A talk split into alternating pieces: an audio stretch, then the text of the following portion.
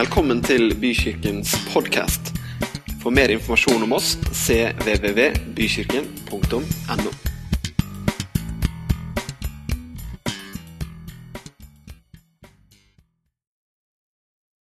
Dere, jeg har eh, noen ord jeg vil dele med dere, og vi kan få opp et bilde av en eh, dame på veggen.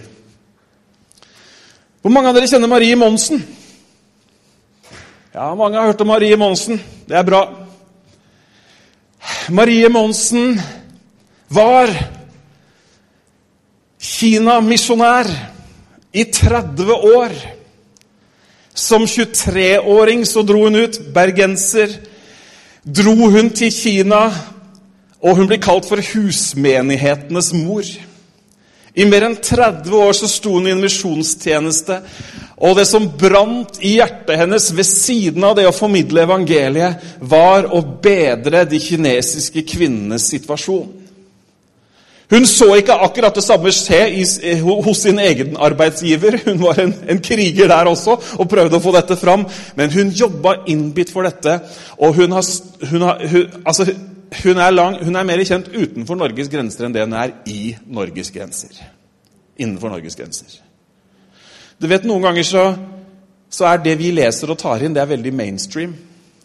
Hvis vi, hvis vi bare leser på en måte det som er eh, som alle andre leser, eller bare ser på det som alle andre ser, så, så, er det sånn at det foregår en del andre ting i verden. Og hun er internasjonalt anerkjent for det misjonsarbeidet hun har leda. Og ikke bare det, men hun er også kjent som en bønnekvinne. Eller en bønnekjempe. Hva er nå en bønnekvinne eller en bønnekjempe? Jo, hun var kjent for å be.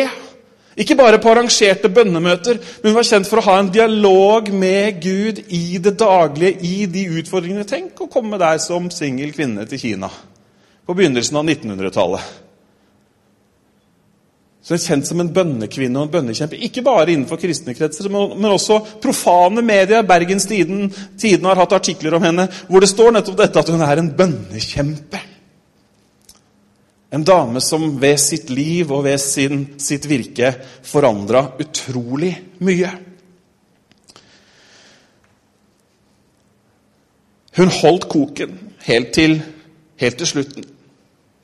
Hun skapte, hun skapte, såpass mye furore at, at det, var, um, det var en Nå husker jeg ikke navnet på han, men det var en lærer på teologisk fak, fak, fakultet som i uh, i debatten rundt kvinnelige forkynnere osv. forlot Teologisk fakultet og begynte på en av de eh, vestlandske utdanningsinstitusjonene. Ta med en klype salt hvem av dem det er. Men i alle fall så begynte han der og tenkte at ja, men her er vi i hvert fall konservative nok til å ikke slippe damene til. Men, men når eh, Marie Monsen da ble satt opp som taler på samme konferanse som han, da fikk han nok også der og sa opp. Så hun, hun, hun sto på for det hun trodde. Og Et annet bevis på akkurat det, etter å ha vært i tjeneste i en luthersk misjonsorganisasjon nesten, eller svært lenge, så kommer hun hjem. Dette sier noe om motet hennes. Dette er ikke et innlegg i en eller annen debatt. Men hun kommer hjem, så er hun hjemme lite grann, og så lar hun seg døpe på baptistisk vis. Troende dåp ved full nedrykkelse. Da fikk nok eh, eh, enda flere av tilhengerne et skudd for baugen, for det var en måte på til sterke meninger om det ene og det andre, og jammen ikke så handler du ut fra det du tror også. Jeg tror kanskje det er sånn det er, kanskje, det er kanskje der vi havner når man lever i bønn. Men i alle fall, dere I dag så har jeg lyst til å snakke om bønn. Jeg skal ikke snakke om, mer om uh, Marie Monsen, men jeg har lyst til å snakke om bønn. Når vi ser på forgjengerne våre Du vet, Det var ikke vi som fant opp kirke. Du visste det? Vi har noen forgjengere i apostlenes gjerninger. Og bare ved å liksom kikke gjennom noen kapitler, så, så leser vi at de var samlet i bønn. Det, sto, det står mange steder 'når de ba'. Det sto at de la alt fram for Gud i bønn.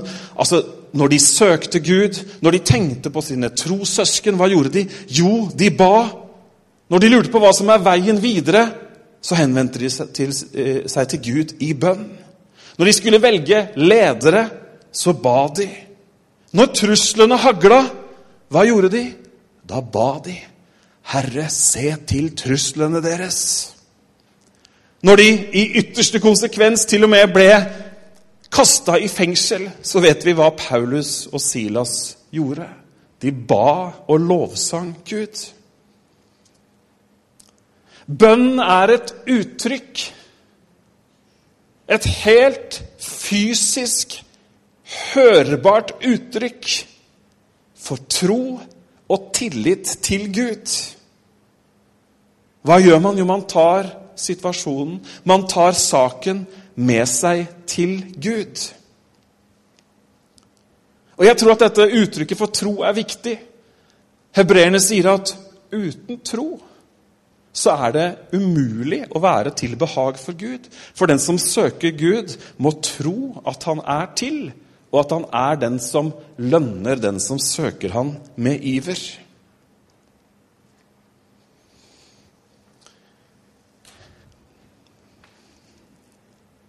Bønn er et tema som det har vært holdt svært mange prekener over. Som det er skrevet svært mange bøker om. Som har vært tema for veldig mange konferanser. Det er ikke så rart, for det er helt sentralt i den kristne tro. Og det finnes uh, utrolig mange detaljer og sider man kan fokusere på. Og i dag så kommer det ikke til å bli røkelse og bønneskålene i Johannes' åpenbaring.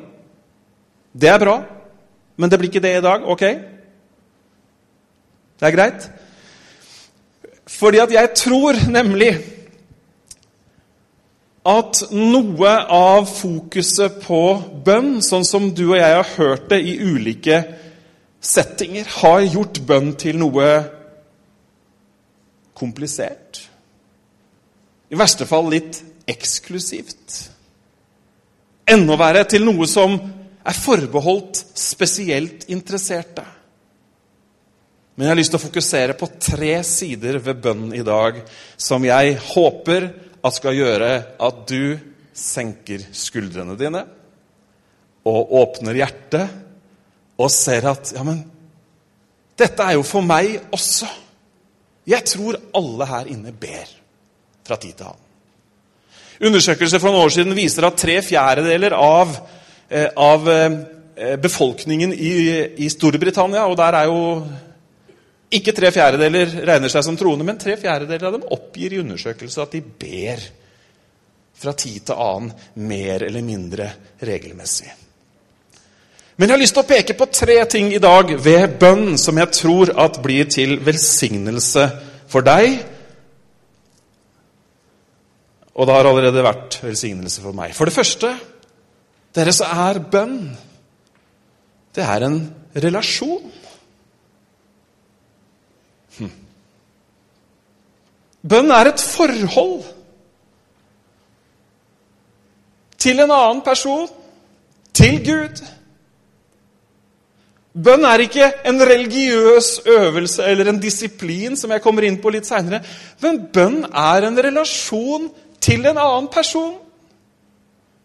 Det er ditt uttrykk, dine ord til han, og det er hans ord, hans løfter og hans beskjeder til deg. Hvem ringer du hvis du trenger praktisk hjelp til noe? Få høre, da. Hvem ringer du, Kristin? Du smilte så lurt. Pappa? Ja. Hvorfor ringer du pappa, da? Eller Gunnar? Nei? Nei, ok, ikke Gunnar. Nei. så bra. Det blir flere bekjennelser her i formiddag. Nei. Altså jeg, for eksempel. Jeg Nei, jeg skal ikke si det. Men hvem spør du om hjelp til ulike ting du trenger hjelp til? Kanskje du har en sånn derre bilkamerat. Det er veldig kjekt å ha en bilkamerat. En, en, som kan bil, og som har gode kontakter innen verkstedverden. Det er helt supert å ha. Ok? En sånn som Frank, for eksempel, han kan mye om bil. Og så trenger vi noen som kan mye om det ene og mye, det, mye om det andre. ikke sant? Ikke sant? Ja, bra. Poenget mitt er at Vi har et bilde av ulike personer som gjør at nei Altså jeg, for eksempel, for å liksom bygge deg litt opp igjen, Gunnar. Hvis jeg skulle hatt noen råd innenfor kommunikasjon eller videoproduksjon eller liksom hvordan funker mediene, da hadde jeg jo ringt han. Ikke sant? For min oppfatning av han, mitt bilde av Gunnar, er at han, dette kan han, er profesjonell. Ikke sant? Hvilket bilde har vi av han vi ber til? Hvilket gudsbilde har vi? Hvis bønn er en relasjon, så er bildet av den andre i den andre enden av kommunikasjonslinja for å si det sånn, særdeles viktig. Kanskje du har fått sånn noen overraskelser fra tid til annen. Så har du snakka med noen, og så skjønner du at det, kjære min tid, hun har jo kjempepeil på dette her. Og liksom du noterer i notere bak øret at neste gang så skal jeg spørre hun. Har du hatt noen sånne opplevelser noen gang? Med andre ord så er bildet av Gud, vårt gudsbilde, er viktig. Hvis bønn er en relasjon, og bønn er en relasjon, så spør jeg hvor, hvilket bilde har vi av Gud? Hvis bildet vårt av Gud er at Gud er en veldig streng Gud Vær forsiktig, lille øye, hva du ser. Pass deg nå. Der går grensen, osv. Mange har vokst opp med et gudsbilde som er et bilde av en veldig streng person. En litt sånn lunefull en som ikke du helt vet hvor du er. Noen som vet hva jeg snakker om? Eller i hvert fall hadde besteforeldre som visste dette her. Og hvordan dette ble til, det kan man jo bare gjette seg. Men presten for eksempel, var jo en sånn autoritetsperson i hvert eneste lokalsamfunn. Og du hørte når han snakka, og du svarte ikke nødvendigvis tilbake. I hvert fall ikke mens han hørte. Er du med på tanken? Og, som, og, da på en måte som eneste fysiske representant for Gud, for det var jo det han sikkert sa han var, så var det liksom gudsbildet man fikk. Hvordan blir relasjonen da? Hvordan blir bildet av Gud da? Jeg tror at da blir bønnen fryktsom, og jeg tror at den blir nølende. Man vet ikke helt hva blir, hva blir resultatet av henvendelsen jeg gjør. Hvis vi har et bilde av at Gud han er en Gud som kun griper inn når det er total krise og egentlig litt for seint. Hvordan blir bønnen da? Da ber vi i hvert fall kanskje ikke så ofte. Håper ikke det er krise konstant hos deg. Hvis vi har et bilde av at Gud, han er i høyeste grad personlig Hvis vi har et bilde som sier at Gud, han er en god far Og Gud, han bryr seg om meg og akkurat det jeg står i Hvordan blir bønnen da? Da blir bønnen nær. Personlig, hverdagslig og naturlig. Hvis man har et annet gudsbilde igjen vi skal, ta, vi skal ikke ta alle mulige variabler, men hvis man har et annet gudsbilde om at Gud han er fjern, og han er veldig langt unna, da kan man ende opp med å tenke at det kanskje ikke er noe vits i å be i det hele tatt. Men dere, det nytter å be. Men hvilken oppfatning har vi av den vi ber til? For det er nemlig sånn dere at situasjoner og relasjoner og nasjoner påvirkes og forandres. Og ikke minst så forandres du og jeg i denne relasjonen. Dere, det er en relasjon. Det er fellesskap.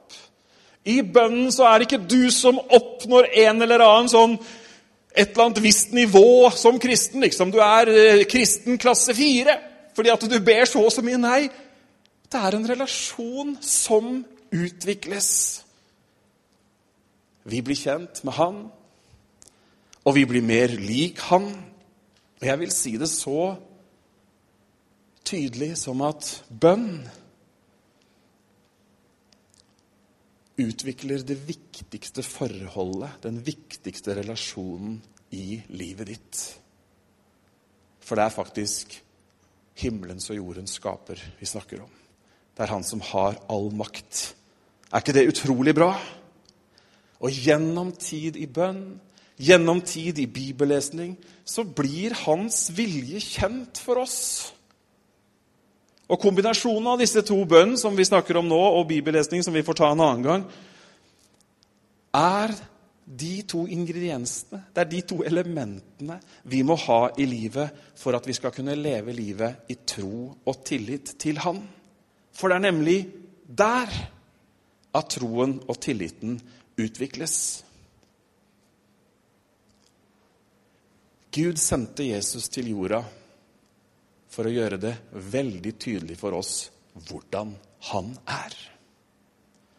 Gjennom Bibelen så blir vi kjent med Jesus når han fysisk er til stede på jorda. Vi ser hvordan han møtte mange situasjoner, vi ser hvordan han gjorde det ene, hvordan han gjorde det andre. Og Apostelen Johannes sier at han er det uttrykte bildet av Gud. Med andre ord, har du sett Jesus, så har du sett han, og derfor så er Bibelen og bønnen så utrolig viktig. Det er eh, en kar som heter eh, Andrew Murray, som har et sitat, og jeg tror vi har det på veggen her. En eh, teolog og pastor fra Sør-Afrika som har sagt dette. Dette er ingen hvem som helst, men igjen, hvis vi bare har uh, lest norsk kulturhistorie, så har vi ikke hørt om han her. Denne mannen på sin tid utga mer enn 240 trykksaker. Hefter, traktater osv. Mer enn 50 bøker på flere språk osv. Og, så og han sier dette her, og det sier så utrolig mye. Bønnens makt står og faller nesten utelukkende på hvilken oppfatning vi har av den vi ber til. Er det en liten Gud vi ber til? Er det en stor Gud vi ber til? Er det en streng Gud? Er det en fjern Gud? Er det en nær Gud? Dere, det er en nær Gud. Er ikke det fantastisk? Jeg er så glad for at ikke at ikke jeg er invitert inn i et program hvor jeg skal prestere, men det er du og jeg. Vi er invitert inn i en relasjon til en Gud som bryr seg. Halleluja! Amen! Og full glede. Han er nær. Han bryr seg om deg. Han vil at du og jeg skal bruke tid sammen med han. Dere, bønn er en relasjon.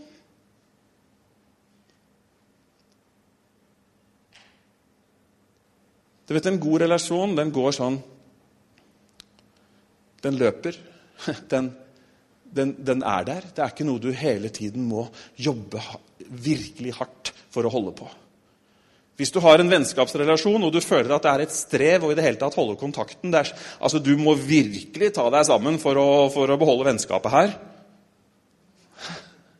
Da er mitt råd til deg finn deg noen andre venner. Ikke sant? Hvis ikke det er noen interesse andre veien. Hvis, hvis du liksom har invitert syv ganger, eller åtte Det var ikke noe hellig tall her, altså, hvis noen lurte på det. Syv er hellig, vet du, og åtte står for nye begynnelser. Så det kunne jo egentlig være veldig bra. akkurat den der, Det var ikke planlagt engang. Men i alle fall, altså, det er liksom noe med det at eh, Ja, da finner man seg en annen greie. Men det er ikke sånn med bønn, dere. Det er en relasjon. Han vil være sammen med, med oss. Det er herlig. Det er veldig herlig. Jeg sa i stad at eh, bønn hadde vært tema for mange konferanser og prekener osv. Og, og, og, og disiplene de var også opptatt av dette med bønn. Fordi at de så jo at Jesus han drev og ba stadig vekk. Støtt og stadig, alltid. Både trakk han seg tilbake sånn veldig liksom i bønn, og så gikk han dit og ba. og så gikk, Jeg er sikker på han gikk og mumla flere ganger. så De lurte på om han hadde sukkertøy i munnen. For han, var, han kommuniserte med sin far hele tiden. Og Jesus sier jo 'Jeg gjør ingenting' Uten at det er min fars vilje, uten at min far først har gjort det kjent for meg. Så de lurer på hvordan skal vi be Jesus? Hvordan skal vi be? De skjønte at det er noe bra med denne bønnen, så vi vil også be. Og i Lukas 11 så skal vi lese noen vers. En gang var han et sted og ba. Da han var ferdig, sa en av disiplene til han, 'Herre, lær oss å be, slik Johannes lærte sine disipler.' Han svarte, 'Når dere ber, så skal dere si:" Far, la navnet ditt helliges. La riket ditt komme. Gi oss hver dag vårt daglige brød. Tilgi våre synder, for også vi tilgir hver den som står i skyld til oss. Og la oss ikke komme inn i fristelse. Så sa han til dem Hør på den her. Sett at en av dere går til en venn midt på natten og ber han, kjære, lån meg tre brød. En venn som er på reise, har kommet til meg, og jeg har ikke noe å by han. Tror dere da, tror dere han da vil svare der innefra, ikke forstyrr meg, døren er alt stengt, og både jeg og barna er i seng. Jeg kan ikke stå opp og gi deg noe. Nei, sier jeg dere. Om han ikke står opp og gir ham det for vennskapets skyld, vil han i alle fall gjøre det fordi han er så pågående, og gi ham alt han trenger. Derfor sier jeg dere, be, så skal dere få. Let, så skal dere finne. Bank på, så skal det lukkes opp for dere. For den som ber, han får. Den som leter, han finner. Og den som banker på, skal det lukkes opp for. Finnes det en far blant dere som vil gi sønnen sin en orm når han ber om en fisk? Eller gi han en skorpion når han ber om et egg?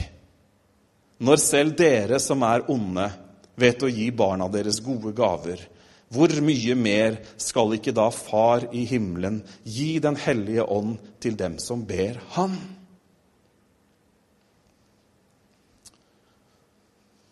God bønneundervisning uten røkelse og gullskåler. Nå tror, tror, alle at jeg har noe mot røkelse og gullskåler. altså Ta det med ro. Eh, men jeg, jeg tror vi må gjøre bønnen og det å be Vi må gjøre det Vi må ta det ned på et hverdagslig nivå. Det er kjempefint med bønnekonferanser. Dra gjerne på de. Det er kjempefint med bønnemøter. Sier ingenting om det heller. Vi kommer til å uh, ha bønnemøter her også. Det er ikke det, Men vi må ikke gjøre det så ultraspesielt når det er en relasjon. Hør her hvor enkel undervisning Jesus presterer å gi til disiplene sine. Er dere enige? Det er ganske enkelt. Dere, dette er bønn. Hva da? Jo, det er akkurat som når du går og banker på hos, hos, hos vennen din og du trenger å låne noe. Og den samme pågåenheten vet du, når du trenger denne tjenesten virkelig, det er det som er å be. Og så sammenligner han det med relasjonen. Hvis vi på menneskelig nivå gir etter, hjelper og gir Det er det det er snakk om. Hvis vi på menneskelig nivå gir etter, hjelper og gir, hvor mye mer skulle ikke da Gud gi etter, hjelpe til og gi oss?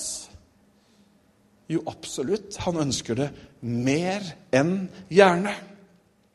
Dere, bønn er en relasjon, og så er det et privilegium. Det har vi også på veggen. Det er et privilegium. Og jeg må si, Før jeg sier noe mer om privilegiet, så er det det er, eh, det er sånn at i sitt forsøk så har i sitt forsøk på å gjøre disipler, så har Kirken opp gjennom tiden Kirken, hva nå enn det er, skapt læresetninger Skapt systemer og måter å organisere bønn på. Vi har liturgiske, nedskrevne bønner som er forfattet av noen etter beste evne. Noen har faste bønnetider, det er tidebønner. Andre har rosenkranser. Eh, det finnes huskeregel, hvordan man skal starte bønnen, og hvordan man skal avslutte bønnen. Og dere, jeg tenker at Jeg tenker at alt dette er bra, jeg. Hvis det hjelper deg og meg i etterfølgelsen av Jesus, så er det topp. Hvis noen sånne huskeregler eller et system eller en bønnedagbok hvis det er til hjelp for deg i prioriteringen av din tid, eller hjelper deg å fokusere, så er det helt topp. Men så har det for mange også blitt sånne loviske gjøremål som ikke tjener hensikten i etterfølgelsen av Jesus, men som tjener en annen hensikt, nemlig å skape fordømmelse og en følelse av at 'jeg er ikke god nok, for jeg har ikke gjort det som de andre sa vi skulle gjøre'. Er dere med på tanken? Og det er det jeg vil til livs når jeg sier at dette er et privilegium. Dette er et fortrinn. Og ikke minst så har man opp igjennom, også i nyere kirkehistorie, også i vår egen altså Nå snakker jeg på vegne av dere, også sikkert i ditt trosliv, så har man opplevd at bønn har produsert tonnevis med skyldfølelse, mindreverdighet og en opplevelse ikke minst av å ikke være åndelig nok. Er du med? Jeg har snakka med mange mennesker som ikke føler seg åndelig nok når de sammenligner seg med andre. Dere, hvis bønnearbeidet eller bønnefellesskapet trykker noen andre ned, da har jeg mange store spørsmålstegn. Hvis de ikke er med på å trekke folk nærmere Gud, men heller skyve de bort, så har jeg mange store spørsmålstegn. I noen kirker så har bønnemøter blitt noe som er for spesielt interesserte og dermed ekskluderende. Andre ganger så har man med tristhet hørt historier om mennesker som manipulerer andre i rammen av bønn eller forbønn eller under profetiske ord.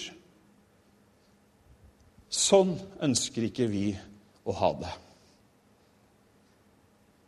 Vi tror at der hvor Herrens ånd er, der er det frihet. Så tror vi på forbønn, så tror vi på profetiske ord, så tror vi på bønn, så tror vi på forbønn, så tror vi på bønnemøter, så tror vi på alle disse tingene. Jeg tror dere skjønner hva jeg mener. Kan man få et, et og annet bekreftende nikk? For det er ikke det det er sendt oss som, det er ikke det det er gitt oss til. Jeg tror at veldig mange har kanskje gjort noen av disse tingene eller opp gjennom historien, enten det er organisering eller nedskrevne bønner eller, eller, eller Har gjort det ut fra en hensikt med at man ønsker å hjelpe, osv., osv. Men når det er sånn som det er i noen settinger, at oppgjøret for synd er et visst antall bønner repetert, da skjønner man at det har gått for langt. Ikke sant? Jesus sier i Matteus 6.: Når dere ber, skal dere ikke gjøre som hyklerne. De liker å stå i synagogen og på gatehjørnene og be for å vise seg for folk. Sannelig, jeg sier dere, de har alt fått sin lønn. Men når du ber, skal du gå inn i rommet ditt og lukke døren og be til din far som er i det skjulte, og din far som ser i det skjulte, skal lønne deg. Amen. Dere, bønn er noe fantastisk. Halleluja. Det er et privilegium. Vet du hva bønn er for alle? Jeg tror at noen har fått lagt bønn og bønnetjeneste på seg som en oppgave i Guds rike. Det tror jeg på, og det anerkjenner jeg. Og jeg ønsker absolutt at vi også her vi har, og vi skal ha mennesker som har den tjenesten, at de vier seg spesielt i forbønn. Amen. Og det takker jeg Gud for.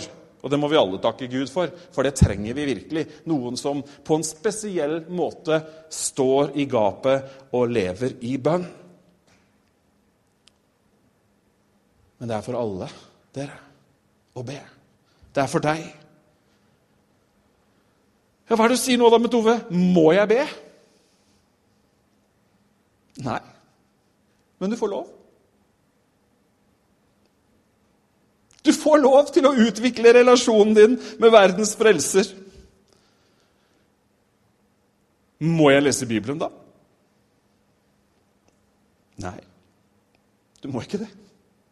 Du må ingenting, du.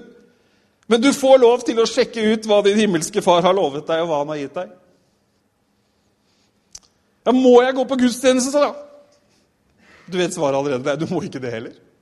Men du, du, er hjertelig velkommen til å ta imot den berikelsen og gaven fellesskapet med de troende gir. Skjønner du, skjønner du hvor jeg vil hen? Mye har vært må og burde og skulle. Men det er en relasjon. Det er en invitasjon til fellesskap. Så nei, det er ingen som Jeg står ikke her og sier 'du må be', men du får lov til det. Og det er fantastisk hva det gjør med deg og situasjonen. Og du må ikke lese Bibelen heller, for all del. Si ikke at han har sagt at jeg må. Og hvis ikke, og for implisitt så ligger det da at hvis jeg ikke gjør det, så er jeg liksom noen sånn annenrangs. Nei, på ingen måte. Men du får lov til å sjekke hva boka sier. Og dere, det er fantastisk. Det er løfter, det er styrke, det er inspirasjon. Det er ord fra han som vet bedre hvordan du er skrudd sammen, enn du faktisk vet sjøl. Hm. Det siste i denne runde, det er en relasjon, det er et privilegium, og så er det en stor hjelp. Vet du hva? Bønn er en stor hjelp. For mange år siden så var det en ung mor som hadde en tenåringssønn som var alt annet enn sånn du ønsker at tenåringssønnen din skal være. Opprørsk så det holdt. Vanskelig. Mammaen levde i bønn. Så går tiden, han blir voksen, tar utdannelse og ender opp faktisk som en ganske respektert advokat. Han har høye ambisjoner, han gjør gode penger. En liten periode så er han faktisk også innom en religiøs sekt. Mammaen ber. De snakker om at bønn er til stor hjelp. Plutselig en dag så får Monica, som mammaen het, et syn. Hun ser sønnen sin hun ser han i lys av Jesus, og så ser hun at ansiktet hans er helt forvandlet. Fra det synet så går det fortsatt ni år. Mammaen ber. Bønn er til stor hjelp. Så i en alder av 32 år så tar denne unge mannen imot Jesus som sin frelser. Dette er i år 386. Han tar imot Jesus i år 386. I tre, år 391 så blir han ordinert prest. I år 396, fem år seinere, altså ti år etter at han tok imot Jesus som frelser, så blir han biskop.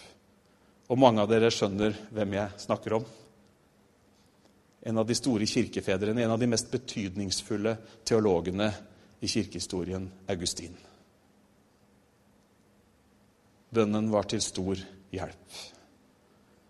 Når du og jeg møter livet, og det gjør vi alle sammen Og jeg hadde nesten lyst til å si hele tiden. Ikke sant? Kjenner igjen den følelsen der?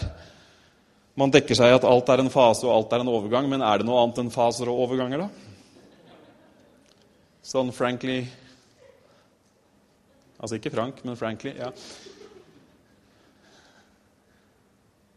Bønn er til stor hjelp. Jeg har kommet til deg, Herre, for å øse ut mitt hjerte. Når vi står i kamp for våre kjære og nære, når vi står overfor fjell som virker helt umulige å komme både over eller rundt, så er bønn en stor hjelp, dere. Det er mulig Herren leder deg inn i et bønneliv for de avanserte. Men jeg har lyst til å si til oss som fellesskap at dette er tre viktige grunnvoller å stå på når vi ber i dagene framover. Det er en relasjon.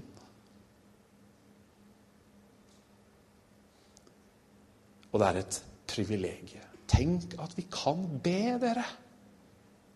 Noen ganger så lurer jeg på hva gjør de andre, da? Har du tenkt den tanken? Hva gjør de andre da, når de føler at teppet har dette ned, og alt liksom er? Ja, den undersøkelsen som jeg henviste til i stad, den sier jo for så vidt litt om hva de andre gjør. Også de som ennå ikke tror. Mange ber. Men mange ber med et bilde av en Gud som er lunefull, helt utilregnelig, og du aner ikke engang om han eksisterer. Og da sier Andrew Murray at bønnens makt står og faller nesten utelukkende på vår oppfatning av den vi ber til. Mens når vi ber, når du og jeg som har tatt imot Jesus, ber, så ber vi til en som har bevist sin kjærlighet til oss. Fantastisk. Korsets gåte. Vi ber til en som vil oss det beste mer enn vi vil det sjøl. Jeg har en pastorkollega i, i London. Han fortalte meg en gang han ble oppringt for å reise sånn hastebesøk på sykehuset til noen som som kanskje ikke hadde så lenge igjen. Og så I bilen, da, så Jeg vet ikke om han tenkte på bønnekonferansen han hadde vært på, eller siste bønneboka han hadde lest, men i bilen på vei til sykehus så finner han liksom at han sitter der og nærmest prøver å argumentere for seg sjøl hvorfor helbredelse er bra, og kanskje Gud vil gripe inn. Og så slår det ned i han som om det er en åpenbaring. Jesus ønsker å helbrede dette mennesket så vanvittig mye mer enn jeg noen gang kan klare å konstruere en tro eller et resonnement rundt. En relasjon. Et privilegium å kunne be til en sånn Gud. Og så er det til stor hjelp, dere. Noen ganger så virker det som bønnesvarene uteblir. Jeg er helt sikker på at mor til største, en av vår tids største teologer, Augustin Jeg er sikker på at Monica syns det tok lang tid. Fra tenårene og helt opp til 32 års alder. Ja, da kunne jeg også trenge et syn på veien og klamre meg fast i at det kommer til å skje. Vi er heldige. Vi er privilegerte som er ført inn i denne relasjonen med Han som har all makt i himmel og på jord. Amen. Skal vi reise oss og be sammen, og så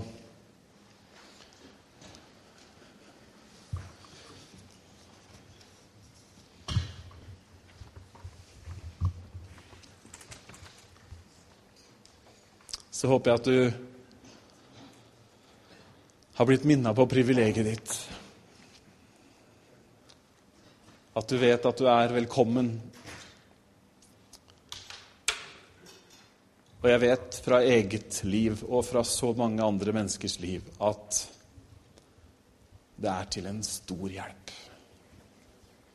Gud er allmektig, dere.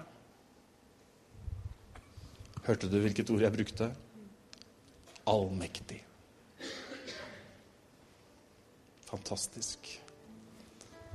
Herre, vi takker deg for ditt levende ord. Som sier oss hvordan tilstanden er. Og som minner oss på de goder du har gitt oss. Jeg har lyst til, at, jeg har lyst til å takke deg, Herre, for at du har ført oss inn i fellesskap med deg. Takk at vi kjenner deg. Takk at vi har et forhold til deg. Takk at du er vår frelser, vår Gud, vår venn. Takk, Herre, at vi kan komme til deg med alle ting. Du er ikke lunefull. Du sier i ditt ord at det er ikke skiftende skygge hos deg.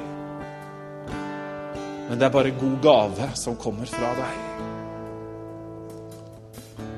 Takk, far, for at vi i dagene som ligger foran oss, og tiden som vi møter videre nå i livet, så kan vi vite det at du er en god Gud som gir oss gode gaver. Vi takker deg, og vi ærer deg.